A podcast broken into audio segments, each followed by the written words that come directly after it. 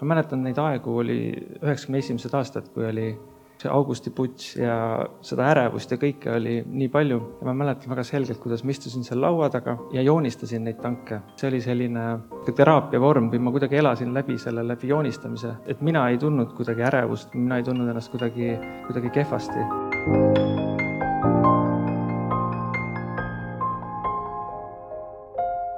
tervitused Tallinnast okupatsioonide vabaduse muuseumist Vabamu, minu nimi on Rainer Steffeld ja te kuulate saatesarja Globaalsed eestlased äh, otsesalvestust koos publikuga, kus meie eesmärgiks on luua mälupilt sajast silmapaistvast Eesti inimesest üle maailma, üksteiselt õppida ning tuua meid teineteisele lähemale.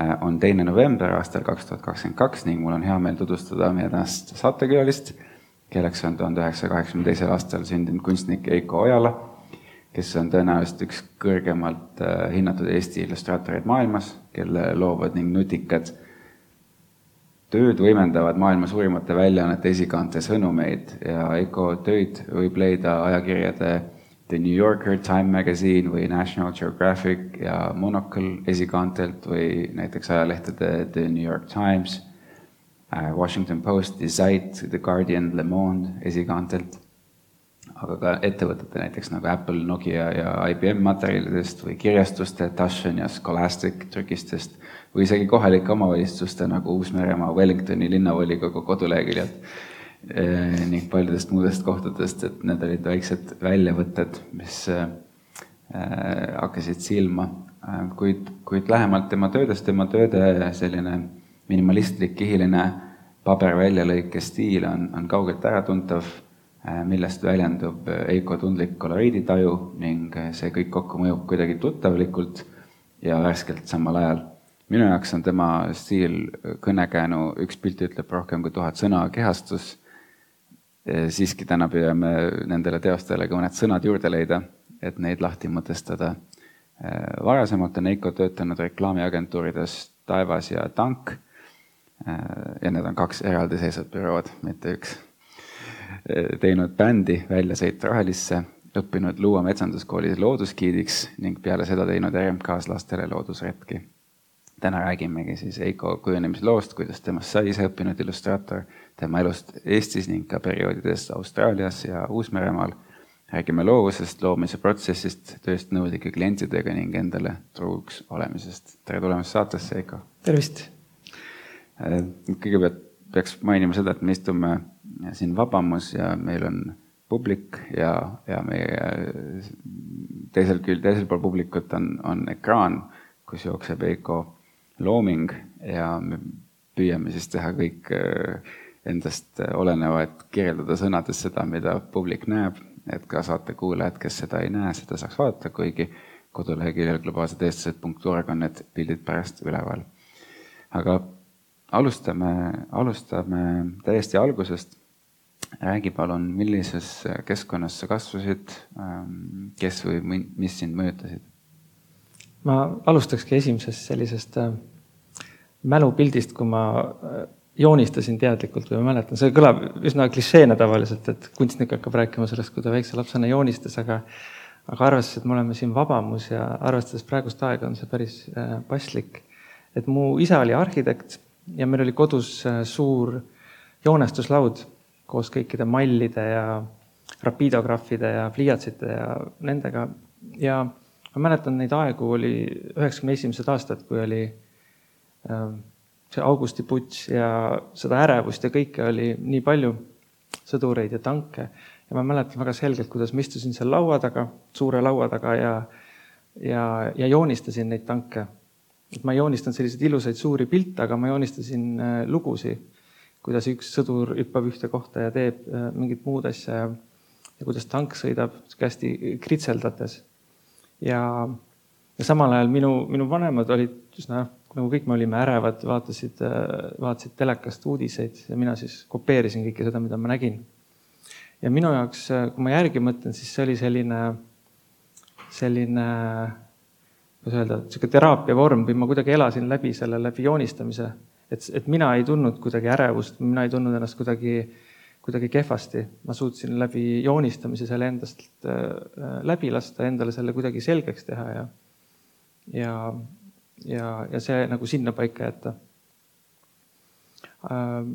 ja, ja tihti pärast seda ma olen nagu täiskasvanud mõelnud seda, et mis asi see joonistamine või loominguline tegevus ongi, et see on nagu niisugune eraldi meel, läbi mille ma siis kas annan ühiskonda midagi juurde või siis, või siis kuidagi tõlgendan asju enda jaoks läbi ja mitte lihtsalt, et see oleks kuidagi tore asi, vaid see on isegi niisugune raviv, raviv moodus minu jaoks.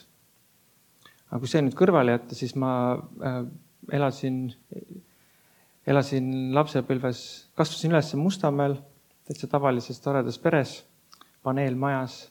Meil oli äh, selline suur üheksakordne maja, kus oli kümmekond last ja kõik äh, jooksid ja hüppasid ringi ümber maja ehitasime onne ja tegime lõket, nagu ikka lapsed teevad. et ma äh, olen ka sellest ajast, kui ei olnud nutitelefone ja ei olnud kuidagi üksteisega ähm, sellist äh, elektroonilist sidepidamist, et alati pidi minema ukse taha ja kellegi välja kutsuma. et see oli minu arust äärmiselt, äh, äärmiselt tore ja helge aeg. Ja, ja mul ka ei olnud kahjuks maakohta, kus iga suvi käia, mu vanaema elas Pirita kosel ja siis me käisime Äh, suviti Pirita kosel, see oli minu maakoht, läbi Tallinna sõita, jõuda Pirita kosele ja, ja ma mäletan, ma täna mõtlesin selle peale, et äh, suve tippsündmus oli alati see Kalevi suursõit. Ja kui, kui sa elasid Pirita kosel, siis sinu kuidagi äh,, äh, kuidas ma ütlen äh, aukohus oli kuidagi ilma piletita sisse minna sinna, et ükski piirita inimene, kes Kosel elas, ei, ei ostnud selle jaoks piletit, see oli selline alati perega nõupidamine, et kus me seekord sisse poeme. sellised toredad mälestused. aga, ja ma käisin äh, keskkoolis alates esimesest klassist kuni kaheteistkümnenda klassini ähm, Tallinna kolmeteises keskkoolis. Et sellel ajal oli see kahjuks selline üsna keskmine või isegi kehva kool. et ma kuidagi, mm, et kuidas kehva, kehva kooli äh, heast koolist eristada, oli minu jaoks see või järgi mõeldes on see, et, et, äh, et heas koolis on õppimine populaarne ja kehvas koolis ei ole populaarne. et ma käisin sellises kehvas koolis, kus õppimine kahjuks ei olnud populaarne ja sellises klassis, kus oli veel eriti ebapopulaarne. aga sellest äh, ma selles mõttes ei lasknud ennast heidutada, et õnneks mind äh, päästis. Ähm, see oli selline aeg, kus äh, hakkasid ka tekkima äh, personaalarvutid, kus tekkisid esimesed arvutid esiteks töö juurde, vanemate töö juurde ja, ja, ja koju.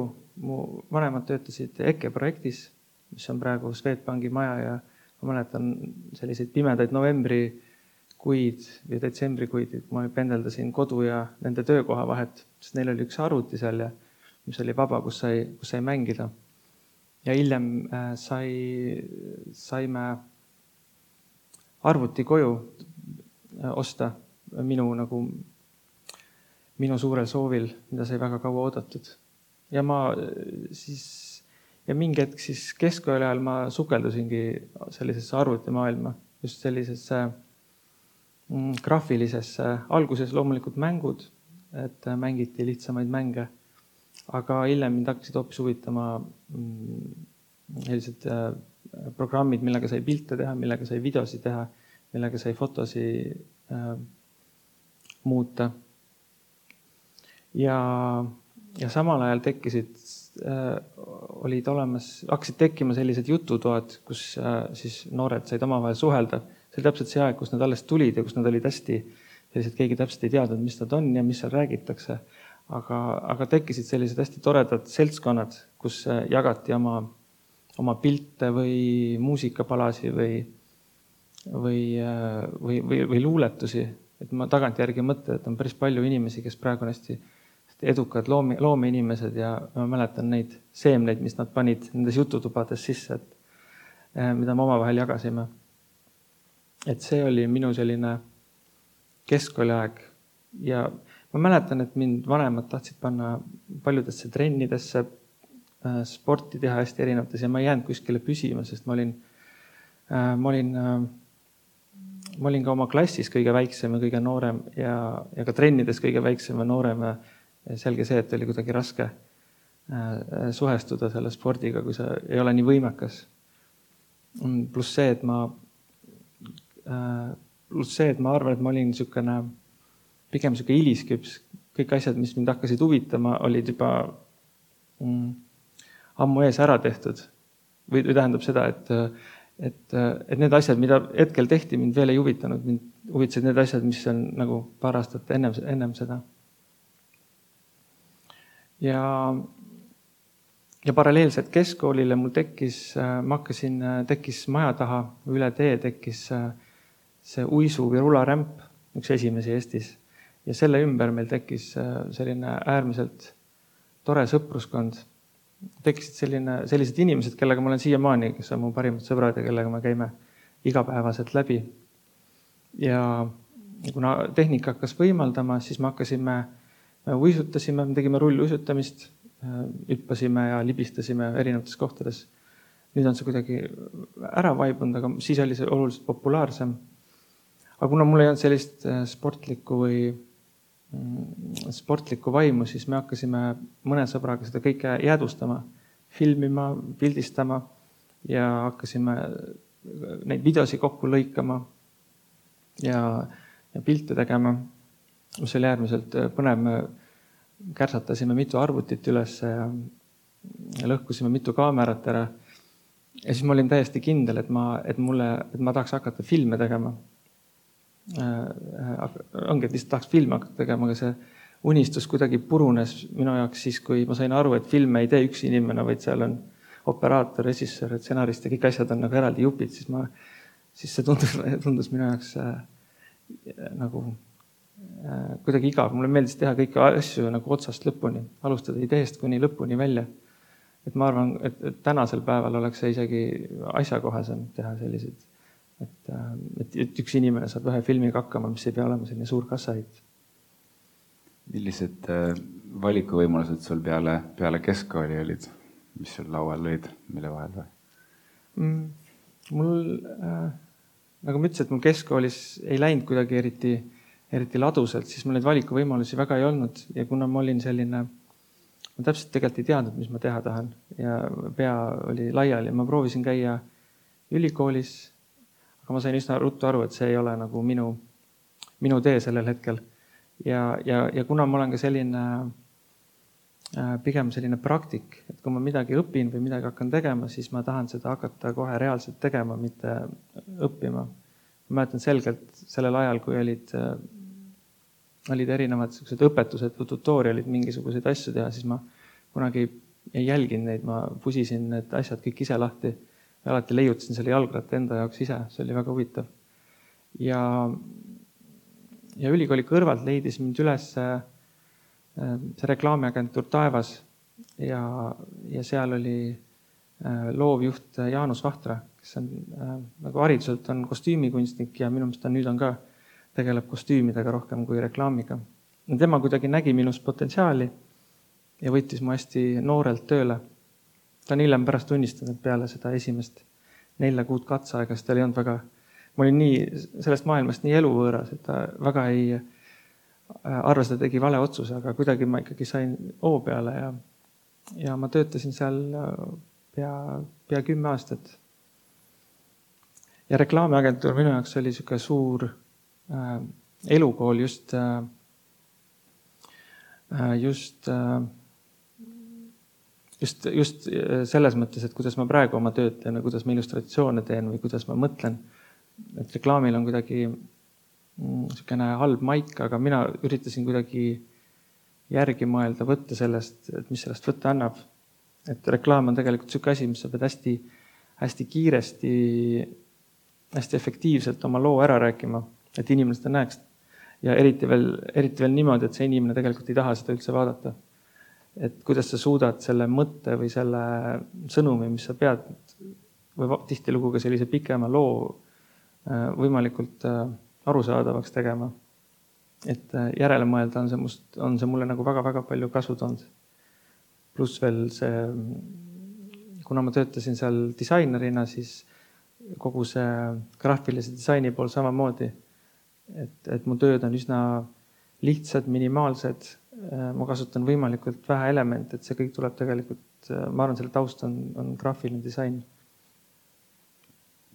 sa töötasid reklaamiagentuurides kahe tuhandendatel, mis tol ajal oli võib-olla kõige lahedam asi üldse.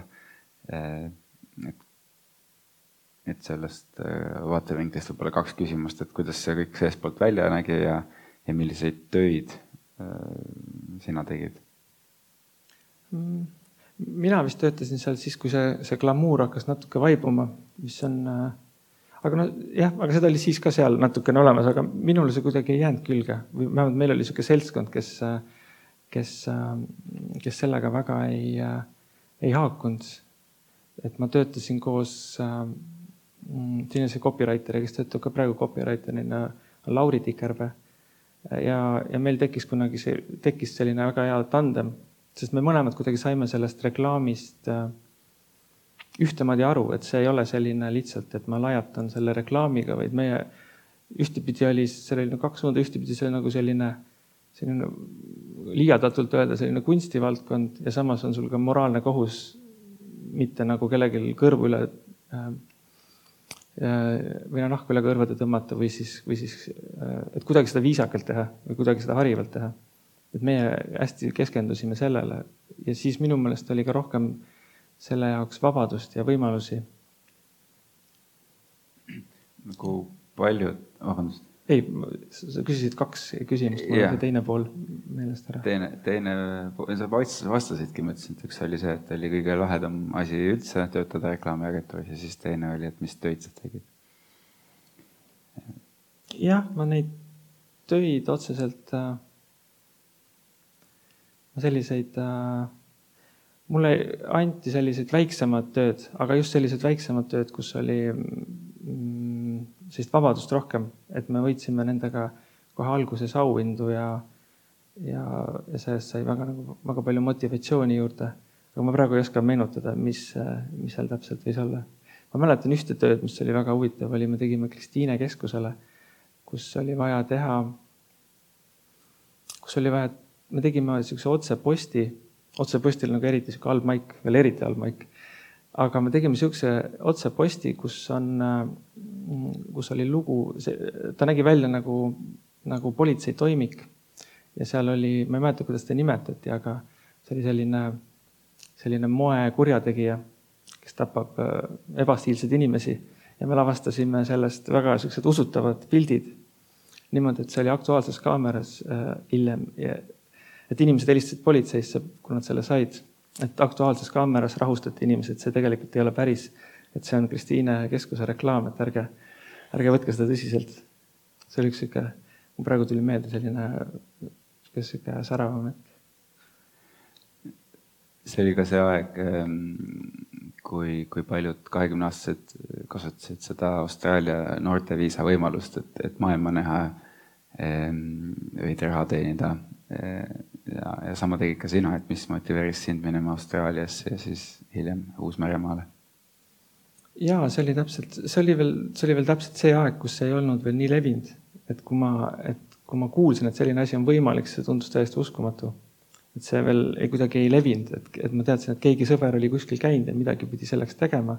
aga me hakkasime seda uurima ja, ja alguses me tahtsime minna sõbraga, aga sellest tekkis selline suur punt, kellega me läksime lõpuks viis inimest. ja see, ma olin reklaamagentuuris juba piisavalt kaua töötanud, et, et, et ma, et, et võtta, võtta sihuke pikem puhkus, et me, me läksime sinna ja ma otsustasin endale, et see aasta aega või see poolteist aastat, mis ma seal olen, et ma ei tegele loomingulise tegevusega et niimoodi reklaamagentuuris töötades on üsna intensiivne, et kogu aeg äh, äh, ennast kogu aeg ületada ja proovida ja mõelda. et ma tõe, põhimõtteliselt ei teinud äh, aasta aega nagu ei tegelenud loomingulise tegevusega. me elasime looduses, me elasime telkides, me korjasime puuvilju, juurvilju, mis need noored seal sellel ajal teevad, et see oli sihuke äärmiselt tore aeg ja seal mul tekkis sihuke suurem huvi mm, suurem huvi looduse vastu ka, just äh, Eesti looduse vastu. et äh, see koduigatsus oli mõnes mõttes äh, suur ja, ja, tekkis kõigest sellest kuidagi aru saada. aga mingi hetk ma hakkasin tegema äh, lihtsalt mõtlesin, et ma hakkan tegema illustratsioone.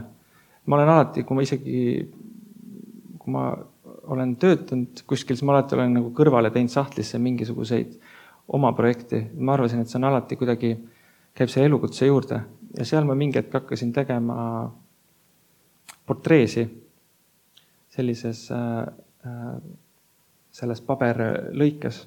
ja mul oli niisugune kindel plaan noorena, et ma teen, äh, teen hulga portreesi oma sõpradest ja tulen Eestisse ja teen sellest näituse nagu üllatusena. aga see õnneks või kahjuks nagu ma ei jõudnud selleni, aga sealt ma hakkasin tegel-, tegema portreesi Eestisse Anne ja Stiili ajakirja jaoks. ja see oli mu niisugune esimene, esimene töö selles illustratsioonistiilis, üldse nagu illustraatorina. ja sealt see hakkas vaikselt, äh, vaikselt hoogu võtma. siin, siin silmad jooksevadki need, need portreed ja juba siit on näha see äratuntav stiil, et, et, et kuidas sa selleni jõudsid, mida, kas see oli juhus, kas sa proovisid erinevaid asju? see on jah, seal on hästi, see on üsna lühike vastus, et ma, ma ei tea, kas see oli juhus või ei olnud, aga see tuli kohe esimese illustratsiooniga välja et ma ei, ma kuidagi ei, ei katsetanud või ei proovinud, vaid see lihtsalt, lihtsalt tuli välja. aga ma arvan, seal on ikkagi see eelmäng on ikkagi see pikk paus, kus ma mitte midagi ei, ei teinud ega ei pidanud tegema, vaid et äh, lihtsalt alateadlikult ma arvan, et see purskas siia välja, et see, jah. Aga, aga sa mäletad seda mõtteprotsessi, et kuidas sa, et prooviks seda paberväljalõike stiili või, või, või tuli see kuskilt mujalt üldse? ma mäletan, ma mäletan seda, et ma tahtsin, mäletan seda ideed, et ma tahtsin teha portreesi, ma tahtsin teha näitust ja mul, siis ma mõtlesin, et mul võiks olla mingi stiil, et kuidas seda teha. ja ma tean, et ma ei oska nagu klassikaliselt, klassikalises mõttes joonistada ja, ja sellel hetkel see tundus ka, tundus ka igav ja siis ma hakkasin äh, hakkasin katsetama tekstuuride ja, ja vormidega noh, nagu äh, klassikaliselt võiks, äh, võiks äh, graafidisainer seda teha. ja sealt see välja koorus. aga võib-olla hüppamegi selle tööprotsessi sisse ja, ja, ja räägi mõne töölugu, sul oli näiteks Abraham Lincolniga üks, üks vahva ähm, töö et, ähm, et kui sa saaksid seda näidata, kuidas see ideest saab lõpptulemus, et siis ma arvan, on meil kõigil natukene parem arusaamine, kuidas see, kuidas sa mõtled ja kuidas sa teed ja siis saame siit edasi mm. -hmm. Tavaliselt need tööd, mis ma teen, hakkavad hästi lihtsatest ja hästi robustsetest äh, mm, kritseldustest. et minu jaoks on üks, et see noh, kogu nende selle töö juures on oluline see, et Äh, kaks, kaks protsessi on see, et, et, et see asi välja mõelda ja teine asi on see vormistada. ja ma arvan, see väljamõtlemine osa peab äh, toimima koos äh, kehalise, kehalise liikumisega.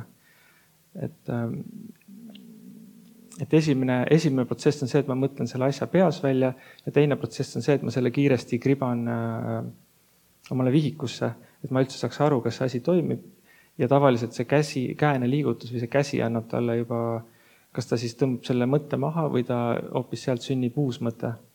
et, et kui ma alustasin seda juttu äh, nende sõdurite ja tankide joonistamisega, siis see on natuke sarnane, et, et see käsi on nagu eraldi, joonistamine on nagu eraldi meel, mis äh, ilma milleta nagu ei saa neid asju välja mõelda Äh, jah, siin on näha mõned äh, sellised äh, hästi lihtsad kritseldused, kuidas see asi, asi sünnib ja mul tihtilugu ei olegi rohkem, rohkem nagu idee aru saada, kas see idee toimib või ei toimi, ei olegi selleks rohkem eriti vaja. kui, kui lihtsalt, lihtsalt kritseldust. Aga klientidele ma üldiselt saadan natukene viimistletumad kritseldused, näiteks nagu see, et siit on näha, kuidas kuidas äh, ma pakun välja erinevaid ideid. Ja siis ta valib sellest õige. et see protsess on mul kuidagi alati olnud ja see on alati sisse jäänud. ja, ja ma jätan meelega need illustratsioonid hästi, ähm, hästi lihtsad ja mustvalged selles protsessis, et ei, et ei tekiks sellist äh,, ei tekiks müra, mille kallal äh, võiks arutada, et see ei ole see koht, see ei ole praegu see etapp, kus rääkida värvidest või millestki muust, et mul on lihtsalt vaja see idee saada korda. ja sealt edasi tuleb äh, juba illustratsioon, mis on oluliselt, mis on oluliselt lihtsam kui kõik korraga välja pakkuda, et selline samm-samm haaval väljapakkumine äh, on minu arust hästi, selles mõttes minu jaoks toimiv. et see Lincolni pilt on selles mõttes huvitav, et see ongi nüüd äh, täiesti värskes Time Magazine'is ilmunud äh, oktoobri lõpus ja pildil on Lincoln ületamas silda, mille all on nagu org või, või ma ei teagi, kuidas seda seletada, aga selle kuju on Ameerika Ühendriikide kaardikujuline et hästi-hästi lihtne ja arusaadav selline mm -hmm. kujund.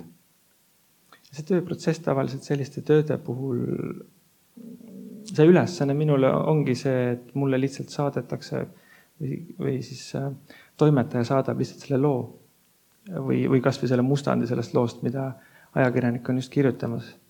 ja, ja mul on üsna palju vabadust, kuidas äh, seda tõlgendada või mis sellel teemal teha. eriti kui on äh, tegu ajaloo, mingi, kus on seotud ajalugu või näiteks Ameerika, siis ma teen, pean pikalt tegema ennem sellist taustauuringut, et millest ma üldse seda illustra-, illustratsiooni tegema hakkan. et Euroopa osas on mõnes mõttes lihtsam ja Eesti osas on veel lihtsam, aga kui on Ameerika või Austraalia, siis on see konteksti adumine üsna, et see on ennem üldse, kui mõtlema hakata, on see asi vaja natukene enda jaoks selgeks teha. kuidas on see protsess aja jooksul äh, ma ei tea, muutunud või, või arenenud, täpsustunud? see protsess selles mõttes on, ta on üsna, ikkagi üsna klassikaline ja ta ei ole selles mõttes oluliselt muutunud, võib-olla muutunud on see, et, et milliseid töid ma valin. et ma saan juba üsna alguses aru, et, et kas see töö mind kõnetab ja kas ma suudan sellele tööle kuidagi ilusa illustratsiooni teha või illustratsiooni, mis seal toimub ma olen aru saanud, et mulle sobivad sellised äh, keerulised ja, ja rasked teemad, mida esialgu on keeruline illustreerida.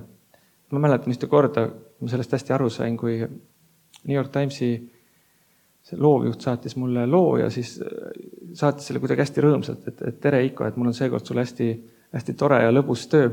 et see oli niisugune töö, kus äh, pidi, lugu oli sellest, kuidas Ameerika ühes otsas kasvatatakse ühtesuguseid meloneid ja teises otsas kasvatatakse teisisuguseid meloneid. see on hästi tore ja lõbus töö ja ma pusisin selle all tükk aega ja ma ei suutnud seal midagi välja mõelda. ja lõpuks illustratsioon oli, kus ma suutsin ainult kaks melonit illustreerida. ma sain aru, et selline, selline lõbus ja lihtne teema, see, ma lihtsalt ei suuda sealt midagi välja pigistada. et võib-olla sellised poliitilised ja keerulisemad ja sotsiaalsemad teemad äh, kõnetavad mind rohkem et äh, kuna suuresti need asjad, mis sa oled, äh, see stiil, mis on välja kujunenud, see on, see on tekkinud nagu äh, sinu enda sees, et sa oled ise õppinud. mida tähendab sinu jaoks iseõppimine, kuidas see, kuidas see varem välja nägi, kuidas see täna välja näeb? see iseõppimine, ma arvan, see minu jaoks see, minu jaoks see reegel ongi see, et ma ei vaata äh, kuidas seda asja on keegi teine ennem teinud, vaid ma leiutan selle, üritan sellesama asja leiut-, üritan sellesama asja uuesti leiutada. et tihtilugu see võib-olla nõuab natukene rohkem energiat ja natuke rohkem pusimist, aga, aga samas see alati võib-olla toob ka mingisuguse uue, uue vaatenurga. kui näiteks panna kokku IKEA mööblit, siis võib-olla on minu puhul toredam see, proovida see asi kõigepealt kokku panna ja kui jääd hätta, siis vaadata, kuidas seda tegelikult kokku pannakse et see on selle asja, asja ilu minu jaoks. ja, ja, ja, ja selle asja õppimine ka eriti nende illustratsioonide puhul selle, mm, see õppimine osa on ka see, et vaadata, kuidas, kuidas kliendid seda protsessi vastu võtavad või kuidas nad seda illustratsiooni vastu võtavad või kuidas, kuidas vaatajad seda vastu võtavad, kuidas reageerivad. sest, sest ühe näitena ma olen aru saanud, et, et selle protsessi puhul on väga oluline, kuidas sellesse, kuidas kuidas ma selle kliendiga nagu suhtun, see on niisugune väike asi, et kui ma luban talle saata need äh, kavandid neljapäeval, siis ma saadan need neljapäeval esimese asjana. ja siis see klient on oluliselt rõõmsam neid saada hommikul kätte ja, ja meil on oluliselt lihtsam sealt edasi minna. Need on niisugused väiksed killukesed, mida ma selle asja juures kogu aeg õpin ja juurde panen. kuidas on äh,, räägime klientidest, et, et kuidas on töö äh, suurklientidega äh, erinev väikes, väikestest klientidest, ütleme noh, et sul on The New Yorker ähm, ja, ja, ja siis võib-olla mingi, ma ei tea, Wellingtoni linnavolikogu. see, see vahe, kui hästi nüüd äh, üldistada, siis see vahe on, on hästi, ongi, on professionaalsus. Ja sel ja professionaalsuse all ma mõtlen seda, et, et äh, üks, üks pool on see, et need suuremad kliendid on oluliselt nõudlikumad.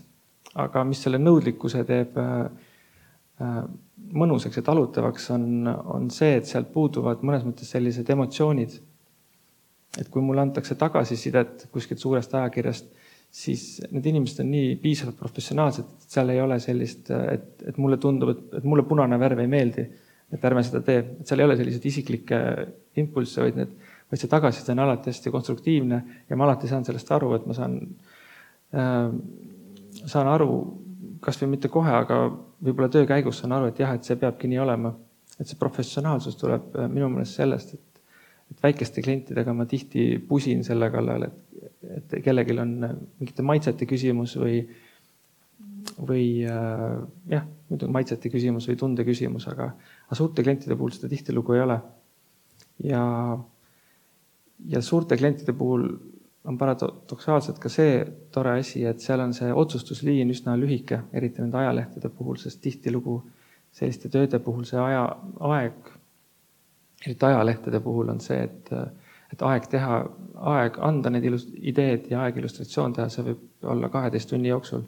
et see peab hästi kiiresti tegema, seega on see otsustusahel ka mõnusalt lühike, et inimene otsustab ära ja, ja saab edasi minna, et see ei jää kuskile toppama. aga, aga oluline ka nende puhul on see, et minu suhtlus tavaliselt on hästi hästi lühike, ma suhtlen kirja teel e, emailide teel, aga, aga, aga seda enam on oluline see, et kuidas ma nende inimestega klapin. et vahest on kuidagi tagantjärgi on tore mõelda või lugeda neid email'e, et tegelikult üks lause või üks, üks sõna, kus on mingi iroonianoot sees, see nii, see oluliselt ühendab inimesi. et sa ei peagi inimesega kokku saama, rääkima või et aru saada, et see on nagu sinu inimene, kellega on tore, tore koostööd teha ja see on, ma arvan, vastastikune, et.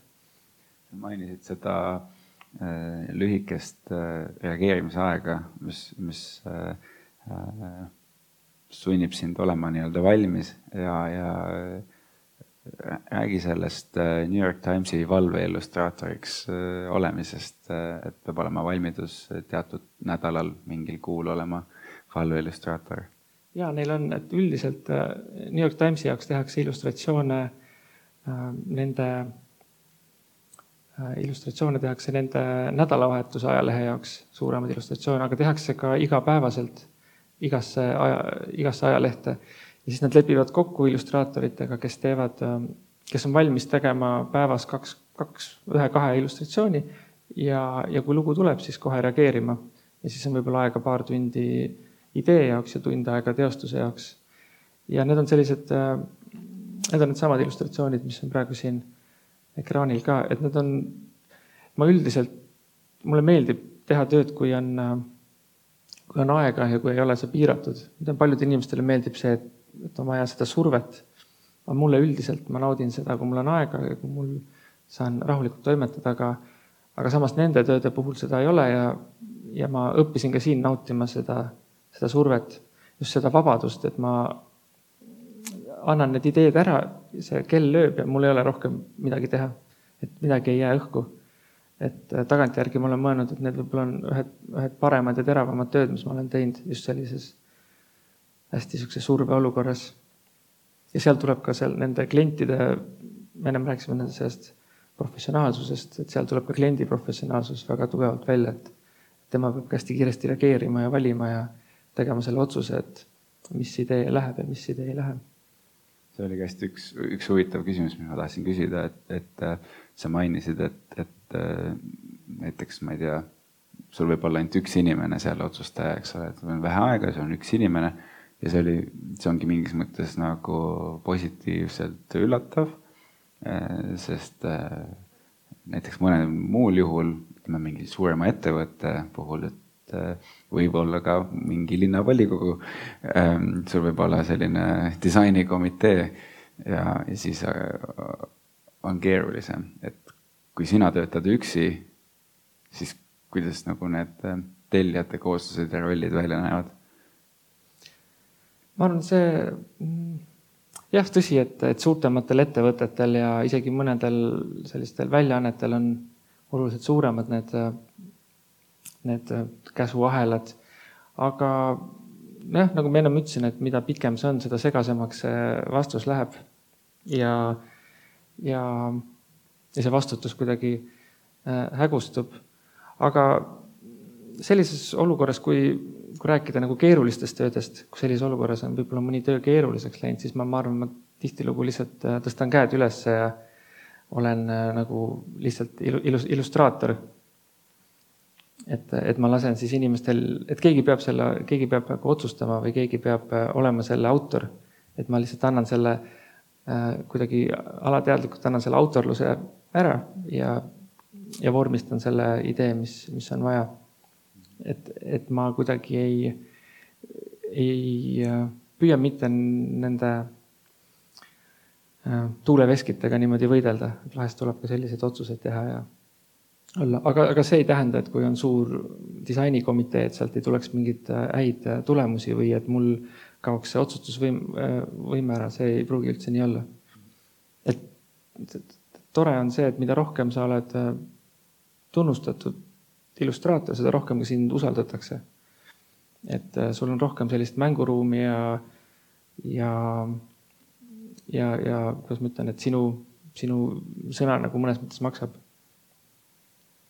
nüüd äh, kunstnikuna sa joonistad niisama ka enda jaoks ja mingid personaaltööd ja, ja kliendid, eks ole, tahavad ju näha mingeid ideid või, või noh, ilmselgelt portfelli. et äh, on sul juhtunud mingeid sellist asja, kus sinu personaaltöö on muutunud klienditööks?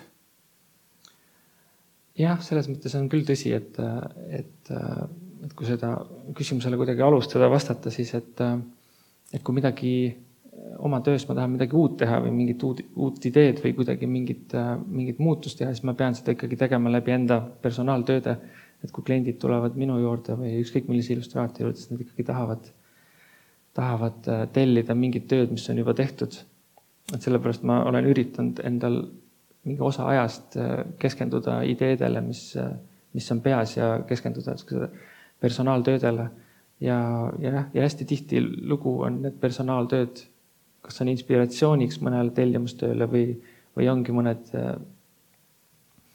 ongi mõned tööd, mis on, on otseselt personaaltööd muutunud kommertstöödeks. proovin näidata siin. et see vasakpoolne on, on minu töö ja, ja parempoolne on üks raamatukaas, et siin on seda siin on niisugune hea tore, tore sümbioos, kuidas klient tuleb minu juurde. Äh, tal on, ta on näinud minu tööd, aga samas tal on ka oma idee, mis ta tahab nagu edasi anda ja siis me kuidagi üritame seda kokku panna. aga jah, ma arvan, et ikkagi see on, see ajaliselt võib-olla minu töö juures võib-olla võtab kolmandiku või neljandiku nende oma, oma töödega tegelemine, aga ta, aga ta annab tagasi kolm neljandikku minu nagu muudele tööde jaoks. kui palju sul üldse on aega, et äh, juhuslikkuseks, et, et niisama otsida suvalisi ideid märkida? see oleneb. jah, üldiselt see on niisugune asi, mis peab iseenda jaoks võtma, et nagu kasvõi vaba aeg või, või puhkus, see on niisugune asi, mida peab endale teadlikult äh, võtma ja ma ikkagi püüan seda teha. et äh, leppida kokku endaga, et see päev on selle jaoks mõeldud. või vahest on lihtsalt on mõni sündmus, mis, mis on nii, nii võimas, et ja, ja nagu maailmas ja mis paneb, toob kohe pähe mingi idee ja, ja siis lihtsalt peab selle idee kiiresti valmis tegema. muidu see jääb toppama. püüan näidata, aga võib-olla kui siin oli äh, kuninganna surma ajal oli, ma tegin illustratsiooni. see on siinsamas, et see oli niisugune töö, mida ma lihtsalt tegin enda jaoks äh,. äh tegin lihtsalt enda jaoks, ma teadsin, et ma pean seda tegema ma pidin maale sõitma, aga siis ma mõtlesin, et ma lähen kaks tundi hiljem maale ja ma istun maha ja teen selle asja valmis. ja, ja, ja ma kuidagi nüüd olin ka, lootsin, et see satub kuskile ajakirja, et ma ei teinudki seda enda jaoks, aga ma teadsin, et kui ma selle valmis teen, siis on suur tõenäosus, et see satub kuskile ajakirja või ajalehte.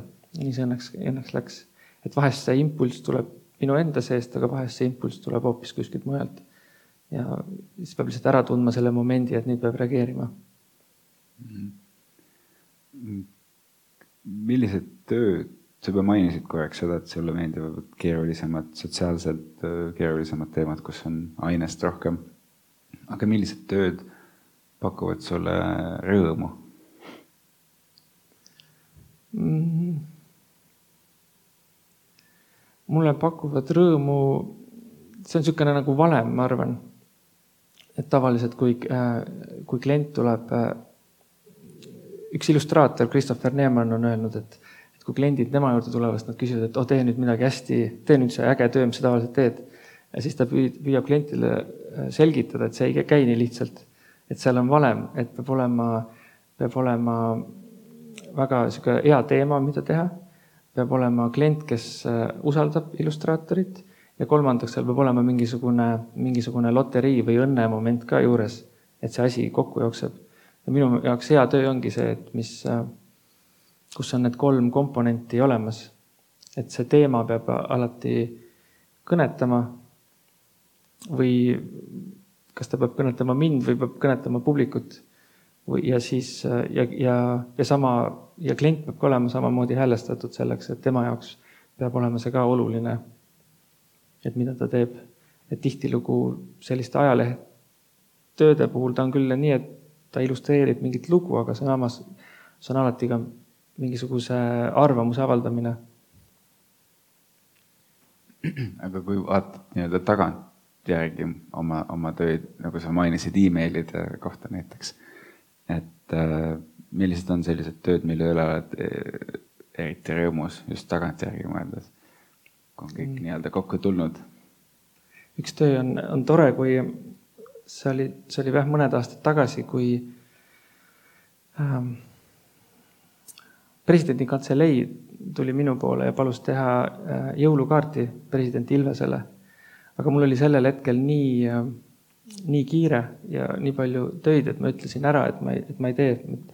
ma sellel ajal tegin enamus töid, suure osa, noh, tegingi kõik tööd tegin välismaale ja ma kuidagi elasin Eestis, aga samas kogu minu fookus oli, oli välismaa et äh, ja siis nad, siis president Ilvest nägi mu töid ja siis ta ütles, et, et võtke temaga uuesti ühendust.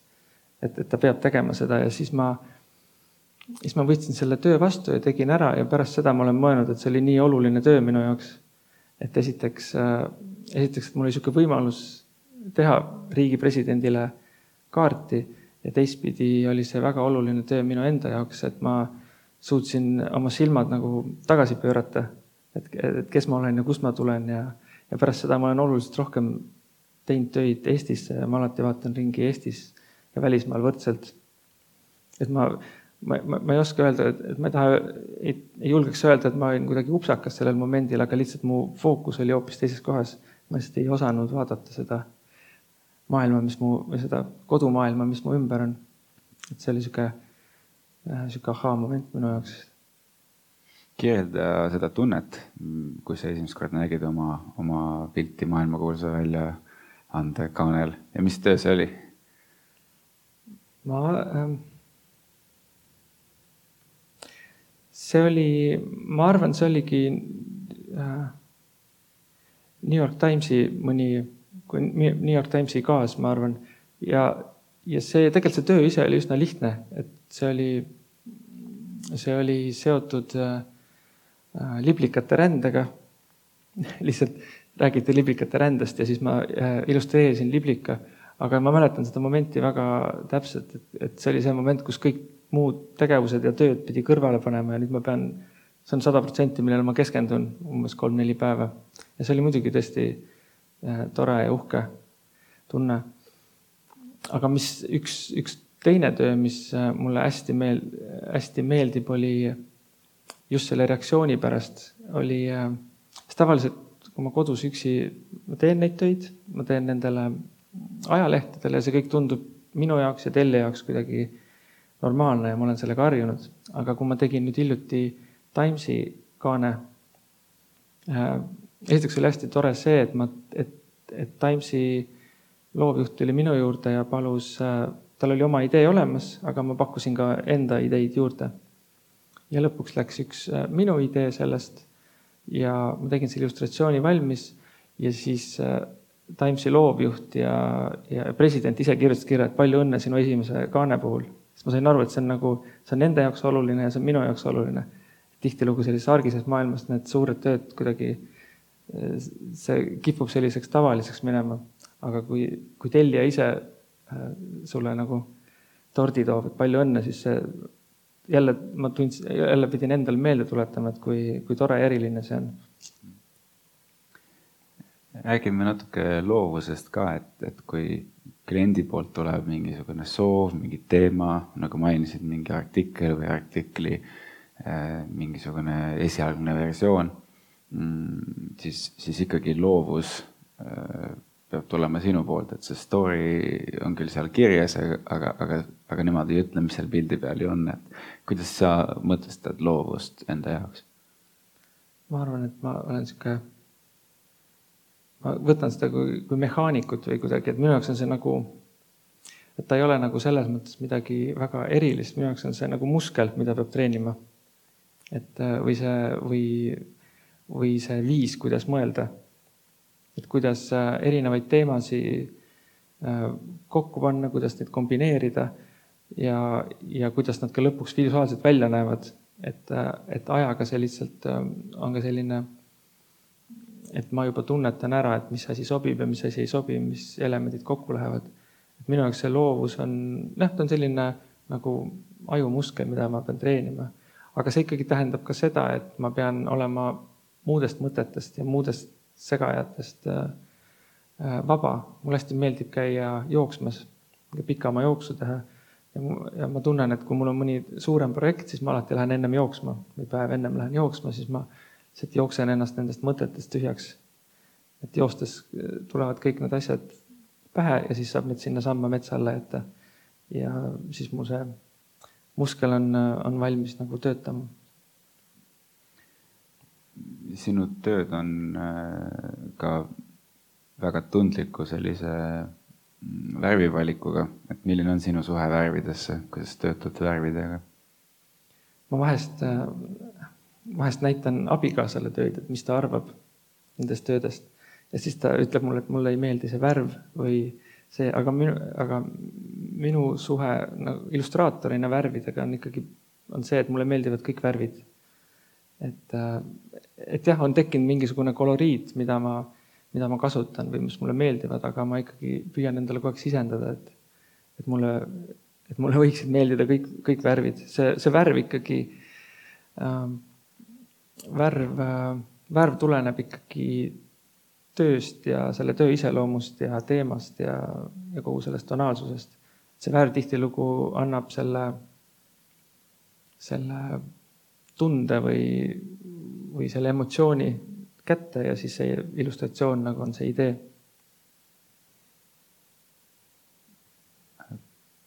me juba korraks rääkisime, kuidas sa jõudsid selle paberväljalõike stiilini ja, ja selle, see on nagu ajas kuidagi rafineeritumaks muutunud aga kuidas sa iseenda jaoks mõtestad, et kuidas on sinu stiil või teekond üldse kunstnikuna muutunud? sellele küsimusele on mul nagu kuidagi raske vastata, sest kõik äh, need, äh, et töötades disainerina, illustraatorina ja, ja, ja, ja muutes neid, äh, neid teemasid, siis need alati on olnud sellised hästi lauged kurvid et, et ma ei mäleta, et mul oleks olnud kunagi selline, selline, selline järsk kurv, kus ma pean nüüd otsustama, kus ma teen muutuse, et selles mõttes ma arvan, et see, et need illustratsioonide ja selle keele muutus on ka olnud üsna selline rahulik ja aeglane, aga ma olen jäänud nagu selles mõttes oma põhimõtetele truuks, mis ma olen seal algus, alguses ma panin paika, et, et, et ma ei kasuta kunagi selliseid üleliigseid elemente, et ma hoian need illustratsioonid äärmiselt lihtsad, äärmiselt minimaalsed ja kasutan ainult neid elemente, mis seal peavad olema, et seda lugu rääkida. ja ma iga kord üritan seda, sellest kinni pidada. aga ma arvan, et mis muutuvad, on, on on teemad, et millele illustratsioone teha. et kui ma varem tegin, ma väga ei, ma ei saa öelda, et ma ei valinud, aga, aga minu jaoks ei, ei mänginud rolli, et mis teemadel ma teen illustratsioone nii väga. et äh, kasvõi poliitika või sotsiaal, aga aina enam äh, muutub ka, muutub ka see teema oluliseks. et, äh, et illust-, illustraatorina, kus meil on nii palju maailmas, kus meil on nii palju teksti ja nii palju kirja, siis äh, illustratsioon alati kuidagi tõuseb sealt esile ja, ja ma tunnen, et mul on selline võimalus ja ka kohustus äh, seda, seda ise täita. meil on väga tore koostöö Eesti Ekspressiga, kus nad vahest küsivad, et, et ähm, kui mingisugune naljakas sündmus või mingisugune keeruline olukord, et ma lihtsalt teeksin illustratsiooni ilma mingisuguse sisendita ja minu jaoks on need niisugused hästi olulised tööd, kus ma saan lihtsalt enda arvamust avaldada pildina, ilma et ma kedagi solvaks või kellelegi midagi halvasti ütleks. Aga samas ma üritan alati teha hästi äh, jõulise ja jõulisi töid.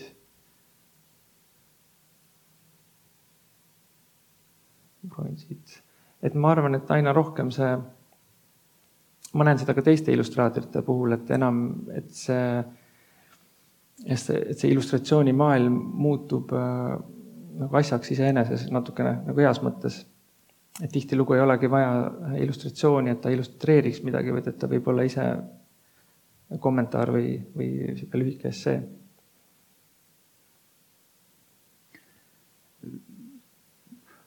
Võib-olla nüüd täiesti teistsugune küsimus, aga sa nagu tutvustuses sai öelda, et sa õppisid ka Luua metsaanduskooliks, koolis. et miks, miks sa läksid sinna õppima mm,? see juhtus peale Austraaliat, oli see nii? et siis sa ütlesid, et see, avastasid enda jaoks huvi looduse vastu. ja see, see töötab et äh, ja see, see oli ühelt poolt nagu ajendatuna huvist looduse vastu, eriti just Eesti looduse vastu, et tekkis sihuke sügav huvi, et aru saada, mis, kuidas toimub. Mm, teiseks, see oli seotud, et, äh, et vastu võidelda sellisele istuvale tööle, et, et anda endale võimalus äh, olla väljas looduses ja kuidagi olla kasulik ja teiseks ka, et Äh, ennem seda ma olin hästi, hästi arg ja nagu paljud võib-olla inimesed kar paaniliselt kardavad esinemist, et see oli ka minu jaoks eneseületus, et õppida esinema. aga ma tegin kohe, kui ma ja ma peale seda kooli läksin, läksin niisuguse poole veerandkohaga tööle RMK-sse, et ma tegin lastele loodusretki. et lastel on selline, laste, lasteaedadel ja koolis on selline kohustus, et üks tund võiks olla koolist väljas ja nad tihti tulid RMK-sse ja ma tegin neile loodustunde. ja, ja ma leppisin endaga kokku, et ma teen seda täpselt nii kaua, kuni ma, kuni see muutub nagu mugavaks. et kui ma lähen sinna seda tundi niisuguse hea meelega andma, et mul pidi alati see närv sees olema. et ma tegingi seda niisugust lühikest aega, aga, aga ma tulin sealt ära, mis, mis nagu. Üks teine, teine põhjus oli ka, et miks ma sealt ära tulin, sest see oli niisugune aeg, kus, kus need lapsed hakkasid kuidagi ausalt küsima asju RMK ja Eesti metsa kohta. et, et miks ta tagahoovist, miks ta tagahoovis enam metsa ei ole ja, ja miks seda nii palju lõigatakse ja tõesti, mul ei olnud selleks vastuseid. ja see, ma lihtsalt põhimõtteliselt pidin äh, sellest loobuma.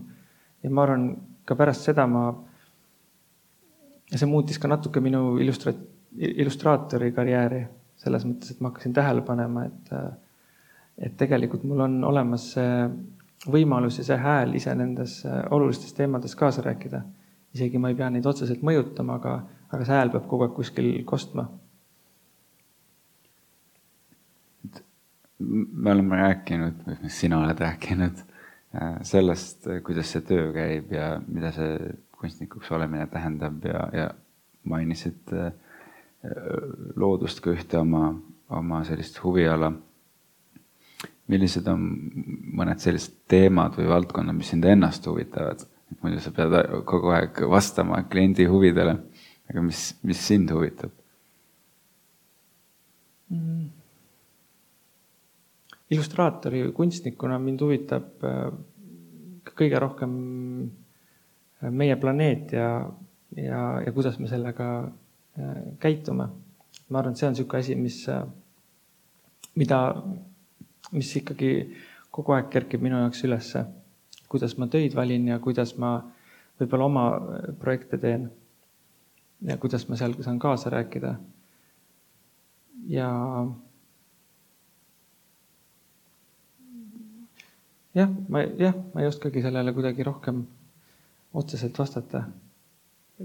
kas see, kas see kuidagimoodi suunab sind äh, ma ei tea, planeerima on vale öelda, aga kas noh, et kui sa mõtled, mida sa veel tahaksid äh, teha illustraatorina, äh, et kas see kuidagi suunab sind, tekivad mingid eriprojektid? ma arvan, et see äh, ja see suun, see just see asi, et minul kui illustraatoril on mingisugune äh,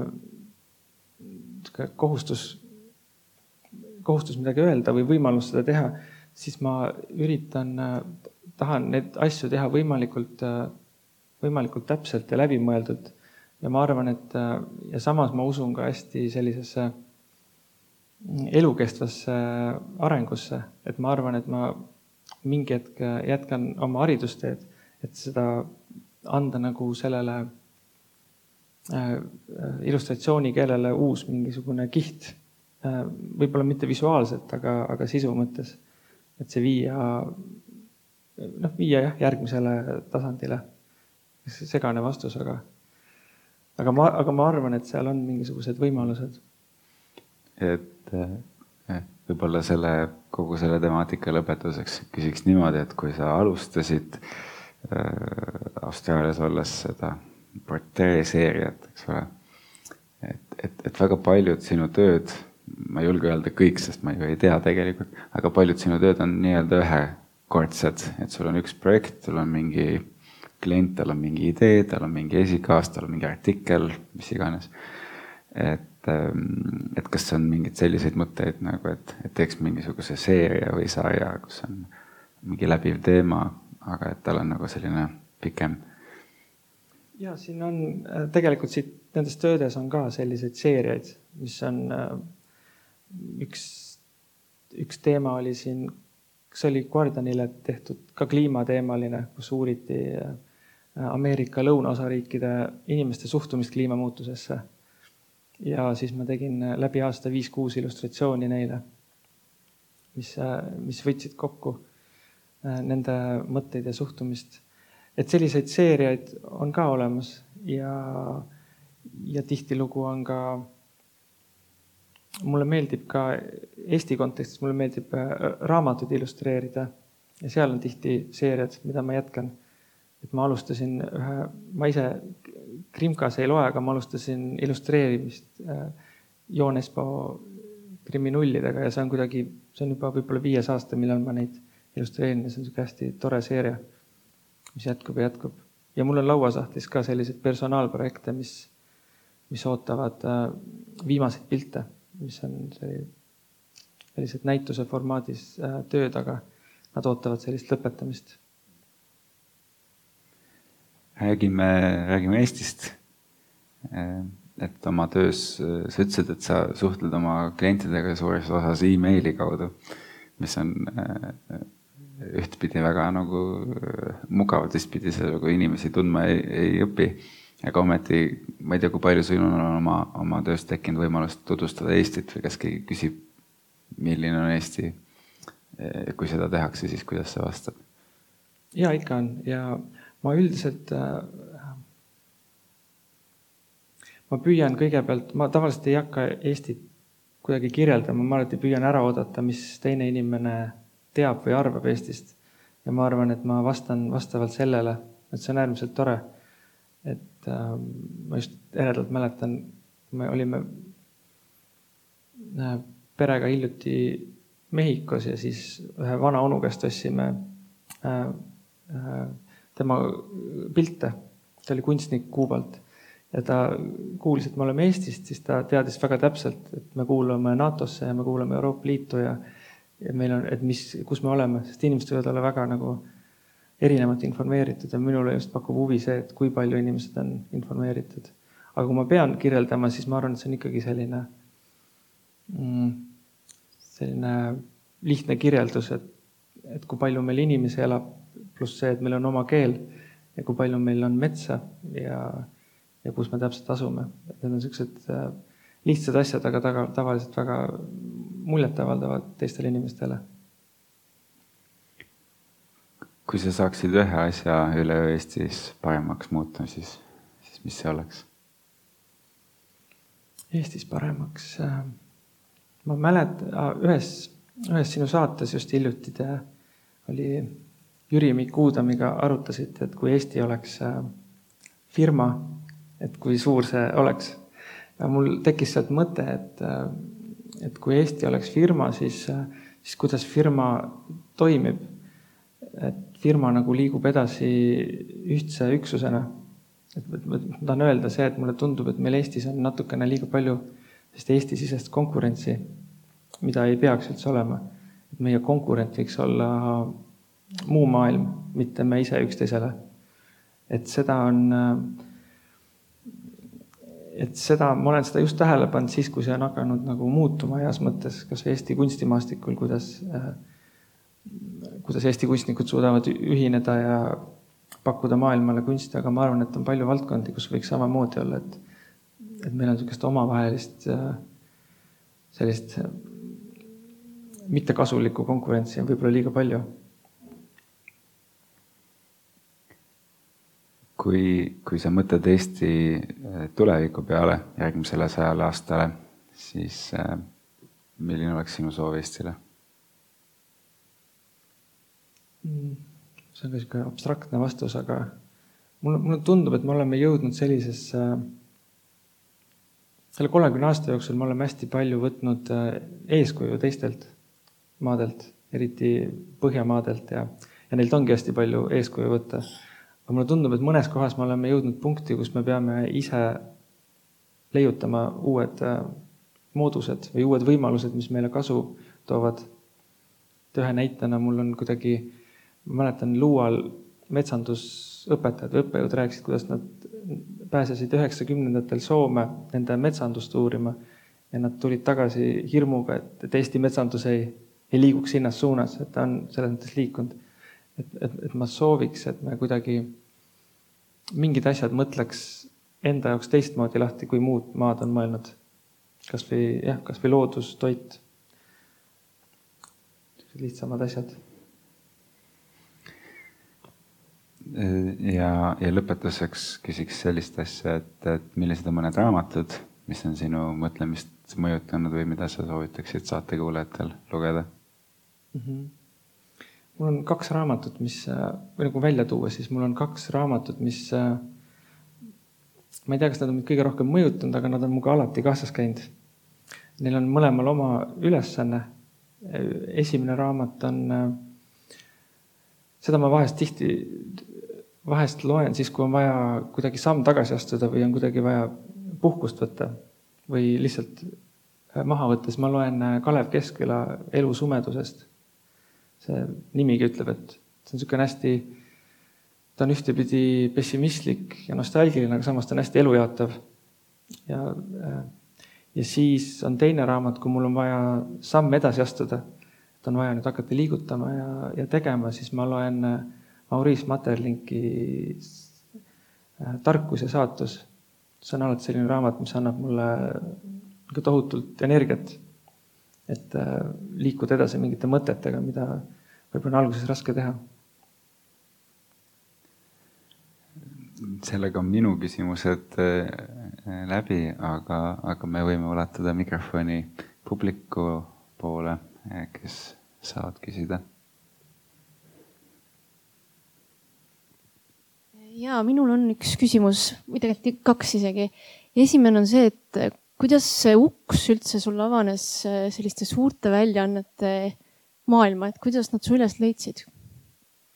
Mm, on selline organisatsioon nagu on Art Directors Club ja ta koondab disaini, reklaami, erinevaid asju annab välja auhindu ja neil on ka selline programm nagu Young Guns, mis on mõeldud äh, noortele inimestele ja nad valivad iga aasta välja kakskümmend, kolmkümmend noort loovat inimest, kelle nad esile toovad, et ma arvan, see oli, kui mind valiti üheks selleks äh, eesti keeles nooreks püssiks, siis äh, Äh, siis see avas hästi palju uksi ja, aga peale seda on ikkagi, on selline usalduse kasvatamine iga tööga, kasvatada seda usaldust klientides. et, et loomulikult alguses olid oluliselt väga arglikud kõik, kes tulid pakkuma, et eriti, eriti just selles mõttes, et kust ma pärit olen ja, ja, ja mis ma varem teinud olen. et see ikkagi nagu samm-samm haaval on vaja kasvatada seda usaldust ja tuntust no.. ja, ja teine küsimus on ka, sa tõid välja selle Kristiine keskuse reklaami näite. ma küsin sinu illustratsioonide näitel, et kas on ka mõni selline põnev töö, millel on nagu suurem taustalugu, mis on kuhugi jõudnud, rohkem kõmu või sellist tähelepanu tekitanud mm.? ja üks töö on, mis on, mis mul kohe esimesena meelde tuleb, on, ma püüan seda otsida see on selline töö, et ma tegin seda,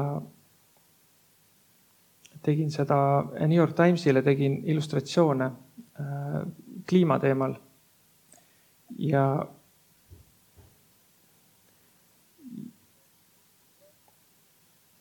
eks ma praegu selle üles leian, aga ma tegin kliima teemal illustratsioone ja nad valisid välja äh, selle töö, mis nad panid omale kaane peale. aga see oli ja, ja mõni kuu hiljem äh, otsustas Äh, Donald Trump välja astuda sellest Pariisi kokkuleppest ja, ja kuidagi kogu ka New York Timesi, New York Timesi see toimetus oli sellest maruvihas ja siis nad leidsid üles teise kavandi, mis ma neile pakkusin ja lihtsalt avaldasid selle sellisel kujul ja panid sinna lihtsalt juurde kommentaari.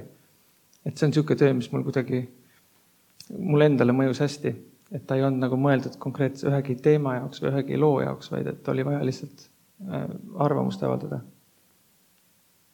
see kuidagi jäi mulle, jäi mulle meelde.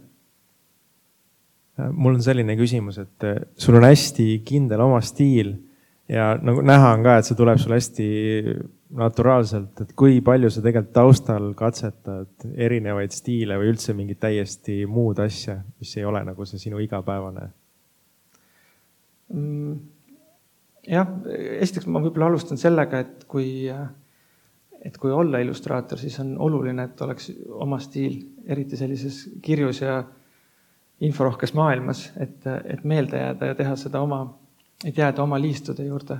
Aga loomulikult ma katsetan ka muid asju, erinevaid, et ma kodus maalin ja, ja proovin tavaliselt joonistada, aga neid ma hoian pigem endale, et ma oma nagu professionaalse töö juures äh, jään nende liistude juurde, mis mul hetkel on.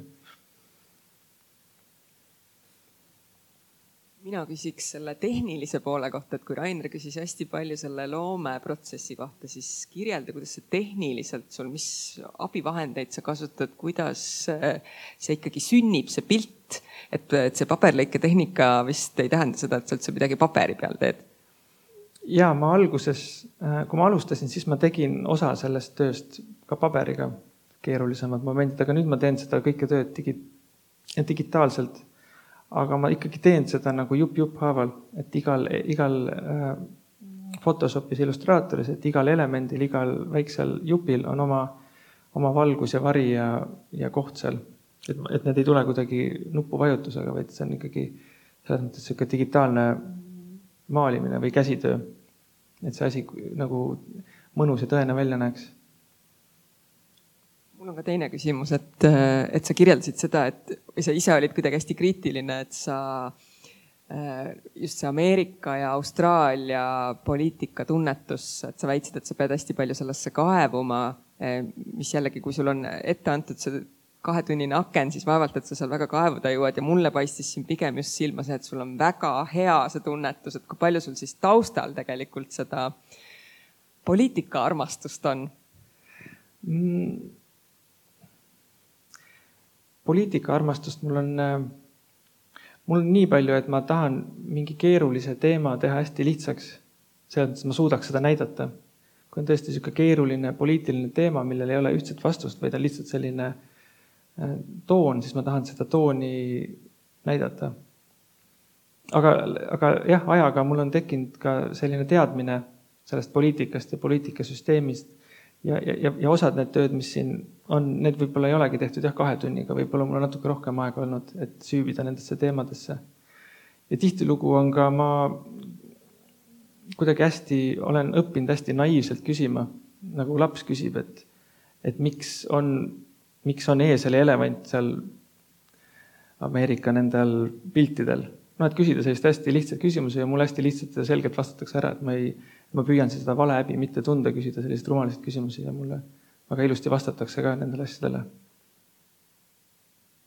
ma küsin äh, natuke jätkuvalt sellest, mis sa just ütlesid, see märksõna lihtsus. Äh, ja sa oled seda mm, läbi selle vestluse tegelikult mitmel korral äh, maininud. Ähm, ja ma võtaks seda kokku võib-olla selle sõna või mõistepaariga, et nii palju kui vaja ja nii vähe kui võimalik ja, ja mis selle mõju on vaatajale või sinu loomingu äh, kogejale, on see, et sa aitad tegelikult äh, hästi tabavalt selle essentsi nagu esile tuua mingites nagu nendes äh, teemades. ja, ja mis, ja kuidas see mõjub vaatajale, on see, et see aitab tegelikult selles segases maailmas aru saada. et, et räägi sellest tunnetusest, et kuidas sa, ma ei oska seda küsimust nagu vormida, aga kuidas sa tunned ära, et, et see on paras ma olen oma, ma nagu kunstnikuna, ma, kunstnikuna ma natukene suhtun sellesse teistmoodi, ma ei mõtle nii palju iseenda peale, et mis ma endast, et mis minu tunne on sinna panna, vaid ma alati mõtlen selle inimese peale, kes seda vaatab ja püüan aru saada, et mis tema taust ja, ja aeg on seda pilti vaadata. ja see ongi selline peene, peene mäng, et see pilt oleks piisavalt huvitav ja et seal oleks piisavalt äh, vähe asju peal aga ma arvan, see kõige olulisem on lihtsalt proovida selle inimese, olla see inimene, kes seda vaatab. ja ma arvan, ma ikkagi olen selle kõik õppinud äh, töötades reklaamimaastikul, sest seal on see asi veel eriti drastiline ja kiire ja iga, iga sekundi eest peab maksma, et, äh, et, et ma jah, ma arvan, et see on sealt tulnud, aga see lihtsalt on üle läinud äh, nagu illustratsioonimaailma. tundub, et meil rohkem vist küsimusi ei ole, et suured tänud, et sa võtsid aja tulla, avasid oma mõttemaailma, näitasid oma töid, see oli kõik ääretult põnev. ja soovin, et sul läheks äh, kõik edaspidi sama, sama edukalt ja jätkuvalt teravat, teravat äh, pliiatsit. suur aitäh! aitäh! aitäh! Tegid saatesarja Globaalsed eestlased ning meil oli külas Eiko Ojala ja varasemate saadete kuulamiseks külastage meie veebilehte globaalsedeestlased.org. Kuulmiseni.